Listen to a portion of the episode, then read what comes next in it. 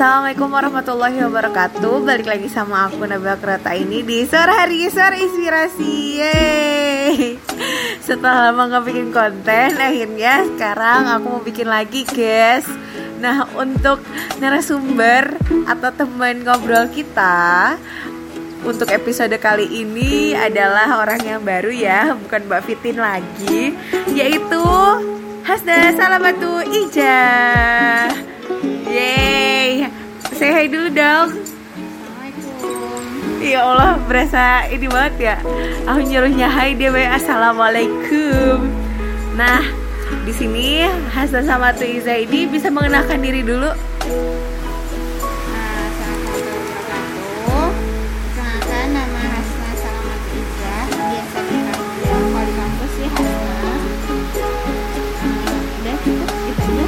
Asalnya dari mana kesibukannya apa? Saya dari Sukabumi Saya jadi eh, sepupunya Nabila ceritanya. Ceritanya. Kesibukannya apa bu? Bukannya eh, Kemarin udah lulus D3 di UMS Sekarang lagi lanjutin S1 online di BINUS Ambil jurusan apa mbak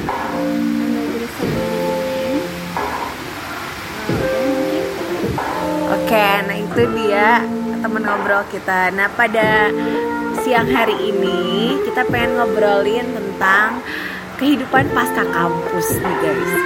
Ya sewajarnya mahasiswa semester akhir ya kayak aku ini yang sudah menginjak semester 8 mulai menghadapi ketakutan-ketakutan atau apa ya semacam ya ya ketakutan lah ya ketakutan menghadapi kehidupan pasca kampus. Takut nanti iya aku habis habis kuliah mau ngapain? Aku jadi orang sukses apa enggak? Kayak gitu kan. Nah, mungkin di sini sahabat kita ini Mbak Hasna mau menceritakan kehidupan pasca kampusnya. Gimana Mbak? Kehidupan pasca kampus yang pertama kali dirasakan itu seperti apa? Eh, kehidupan ngomongin kehidupan pasca kampus itu sebenarnya beda-beda ya laki-laki sama perempuan eh, tergantung orang juga. Kalau misalnya laki-laki ada yang mereka punya istilahnya punya tanggung jawab dan punya dorongan lebih untuk kerja dan apa ya mikirin eh, mikirin persiapan untuk pernikahan yang ya ya mungkin masih lama cuman harus dipersiapkan waktu itu juga dan kerja untuk misalnya memenuhi kebutuhan keluarga ataupun diri sendiri udah mandiri. Untuk perempuan eh, macam-macam sih teman-teman aku. Ada yang misalnya eh, dia eh, di rumah untuk mempersiapkan diri menjadi istri. Ada juga yang dia langsung cari kerja ada yang cari hobi sesuai passionnya sambil kerja nah, itu bergantung per orang. Nah setiap orang tuh semua tuh baik dan tetap.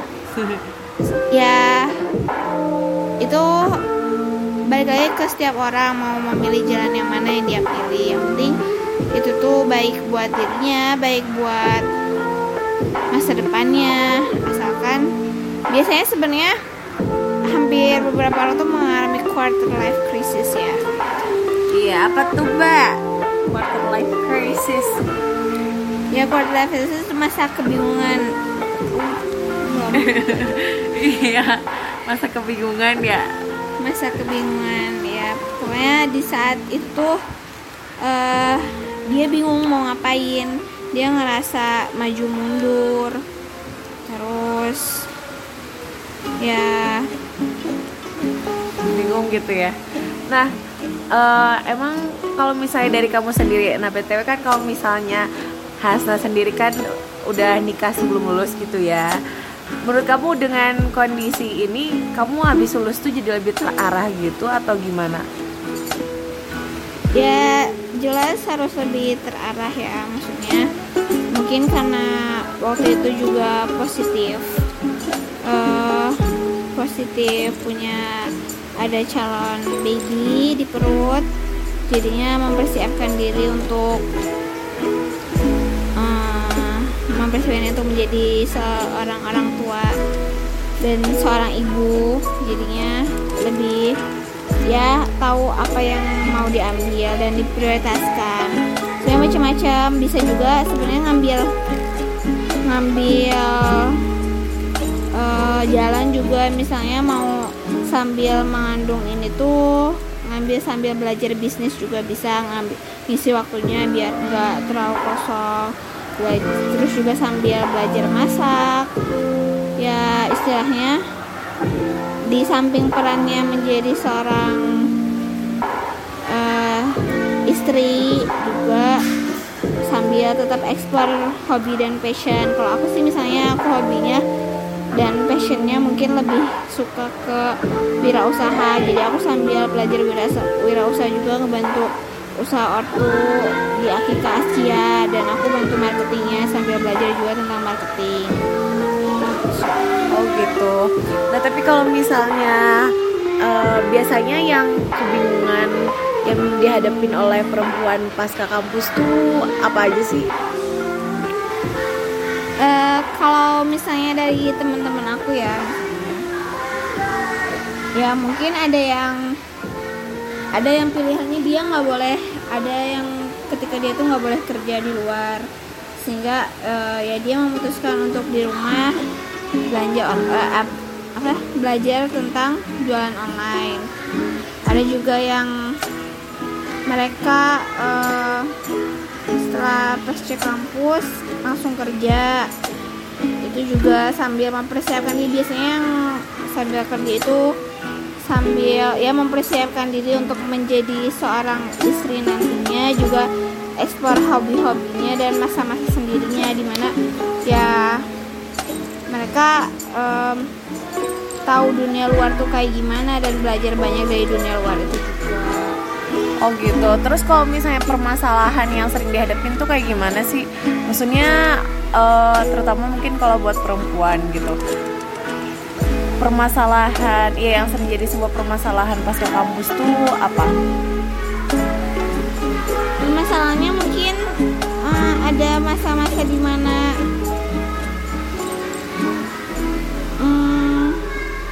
mau milih jalan yang mana gitu kan ya mungkin karena bingung ada pilihan mau nikah dulu atau nah itu juga balik lagi nanti ke life plan kita. Maksudnya life plan kita tuh apakah merencanakan setelah ini setelah ini tuh mau kita tuh harus kuat juga di life plannya gitu loh intinya.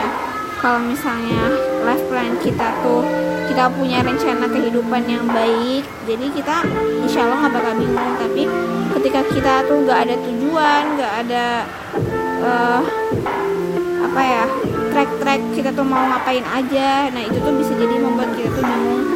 Setelah kita lulus tuh jangan sampai ya buat ya sampai bingung terus buat apa gitu loh kuliah selama beberapa tahun itu tuh. Jangan sampai kayak tuh bingung. Dan ya seharusnya di masa kuliah itu tuh kita tuh ngambil ngambil banyak uh, pengalaman ngambil banyak ilmu yang di mana ketika kita lulus kita tuh bisa benar-benar ya itu benar-benar real life-nya di situ. Oh gitu. Iya sih ya benar banget. Karena kan emang uh, ya life plan tuh penting banget. Kalau misalnya nggak ada life plan pasti jadi bingung kan ya mau ngapain. Kalau misalnya kamu sendiri tuh uh, selama ini maksudnya apakah menikah juga termasuk ke dalam life plan kamu? Dulu ya mikirnya abis lulus sih maksudnya. Cuman maju enam bulan sekitar enam bulanan kan cuman ya karena juga ada beberapa takdir-takdir yang emang misalnya kita tuh nggak bisa maksa juga. Misalnya ketika kita membuat life plan juga kan ada beberapa takdir-takdir yang kata Allah itu tuh e, bukan jalannya gitu loh. Nah itu juga perlu diimbangi dengan iman kita perlu diimbangi dengan e, kepercayaan kita sama Allah. Kalau misalnya ya Allah tuh pasti ngasih yang terbaik gitu loh. Ya dari situ ya insya Allah e, insya Allah kita tuh bisa mengarungi life plan kita dengan baik juga menerima apa pun hasil yang terjadi di depan kita. Jadi sambil ikhtiar tawakal juga itu juga penting sih ya berarti dalam dalam membuat life plan ini baiknya tuh ini ya. Kita merencanakan itu dalam bentuk uh, sebuah bentuk ikhtiar kita gitu ya dalam dalam hidup ini gitu. Dan selanjutnya ya kita harus tetap tawakal karena emang apa-apa yang Allah takdirkan kita kan nggak tahu. Dan bisa jadi itu kita suka atau nggak suka gitu ya. Dan kita harus bisa menerima itu dengan lapang dada dan dengan keimanan kalau misalnya kamu dalam membuat life plan selama ini emang tipsnya tuh kayak gimana sih? Adakah sebuah hal-hal yang diprioritaskan dalam membuat ini atau gimana? Tipsnya ya macam-macam sih tiap orang. Cuman eh aku nggak nggak punya garis uh, garis pakem sendiri juga. Tapi uh, biasanya based on hobby kalau kayak gitu sih maksudnya uh, pertama yang di akhir kan tujuan kita pasti uh, mencari keridoan Allah itu sendiri. Nah itu tuh dengan sarana-sarana apa gitu loh. Nanti kita diuraikan dari mimpi-mimpi yang besar terus nanti diuraikan ke jadi mimpi-mimpi yang kecil terus sama hal-hal apa hal-hal yang uh, bisa kita lakukan sekarang yang itu tuh bisa mendukung um, apa ya mimpi-mimpi kita yang besar nanti kayak gitu ya sebenarnya basic juga semua yang lain juga kayak gitu Ya, yeah, tapi ya pasti harus sambil diiringi oleh doa lah ya tentunya. Dan juga ya tujuannya tujuan yang baik jadi bukan uh, ya tujuannya untuk mencari ridho Allah itu sendiri. Ya berarti kalau misalnya dari kamu sendiri itu lebih ke ini ya. Uh, ya goalsnya yaitu satu ya kita mencari keridoan Allah. Kemudian kita lihat sarana-sarananya itu melalui potensi kita gitu ya. Potensi hobi itu masuk dari potensi juga. Uh, dan lain sebagainya itu yang nanti akan menjadi kendaraan kita untuk menggapai mimpi-mimpi kita yang bertujuan untuk menggapai ridha Allah kayak gitu ya. Kalau misalnya boleh tahu emang goals besarnya Mbak Hasna ini apa ya? Kasih tahu nggak ya? Masih rahasia?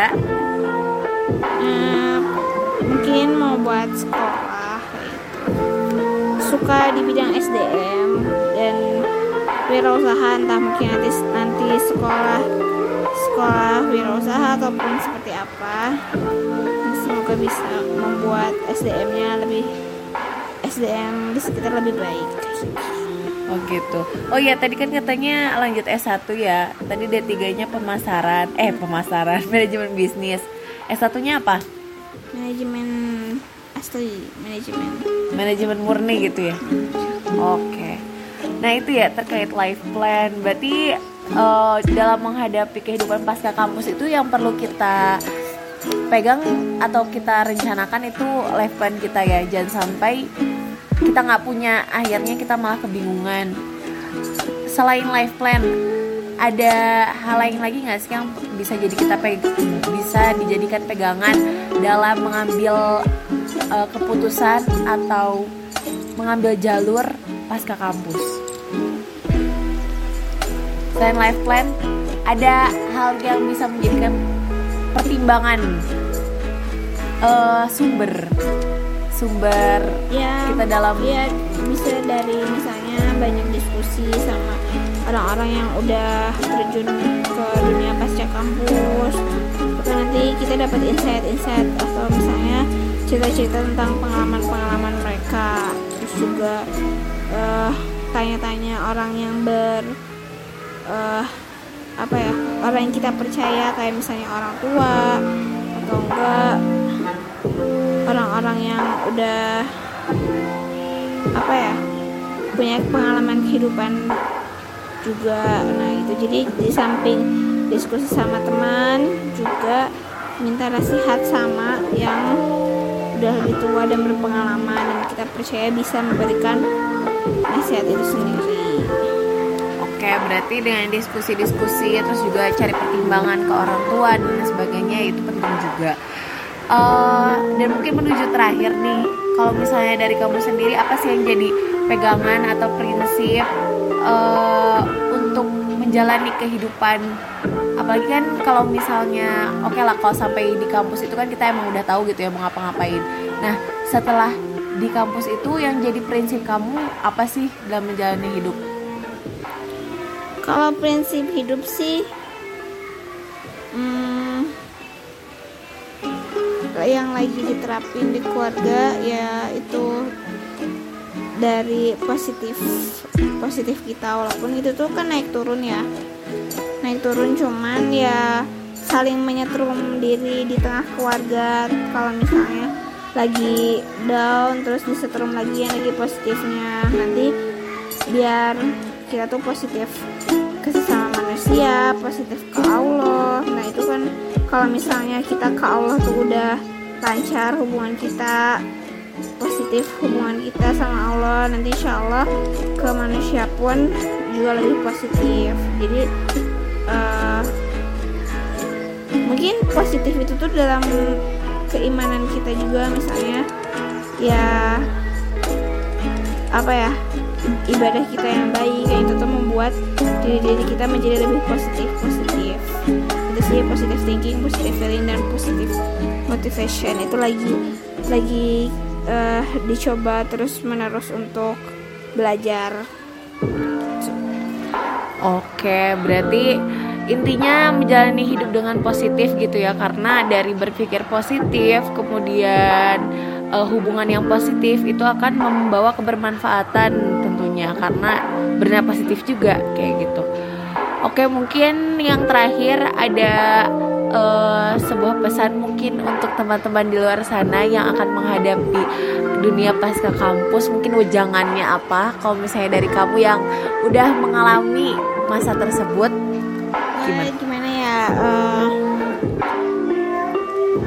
ya di sebelum pasca kampus dan setelah pasca kampus pun kita kan mengalami hal-hal yang ya namanya juga kehidupan gitu loh banyak ujiannya Nah, kalau misalnya kita uh, apa ya membersamai Allah di setiap kehidupan kita, ya semoga Allah tuh selalu kasih jalan buat semuanya. Sama juga sama pilihan-pilihan hidup kita ke depannya itu tuh mungkin yang tentang tentang jodoh, tentang pekerjaan itu kan pilihan-pilihan yang besar kan kayak gitu. Nah, kalau misalnya kita uh, membersamai Allah misalnya dengan dikit-dikit saat istikharah kayak gitu Nah insya Allah semoga keberkahan kehidupan ke depan dan kelancaran bisa kita raih juga keberkahan-keberkahan dan kebermanfaatan hidup tentunya.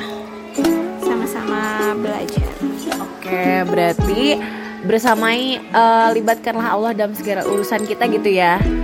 Kita harus selalu melibatkan urusan eh, melibatkan Allah dalam urusan kita sehingga bisa membawa kebermanfaatan dan membawa keberkahan dan mendapatkan ridho Allah Subhanahu wa taala. Mungkin makasih banyak ya Mas. Nah udah sharing-sharing tentang kehidupan pasca kampus. Mungkin akan ada episode episode selanjutnya. Yang bisa kita obrolin sama Mbak Hasna. Uh, Dari kita, aku Ota alias Tabila dan Saya Hasna sama Iza Kami pamit undur diri Wassalamualaikum warahmatullahi wabarakatuh See you on my next podcast. Bye bye.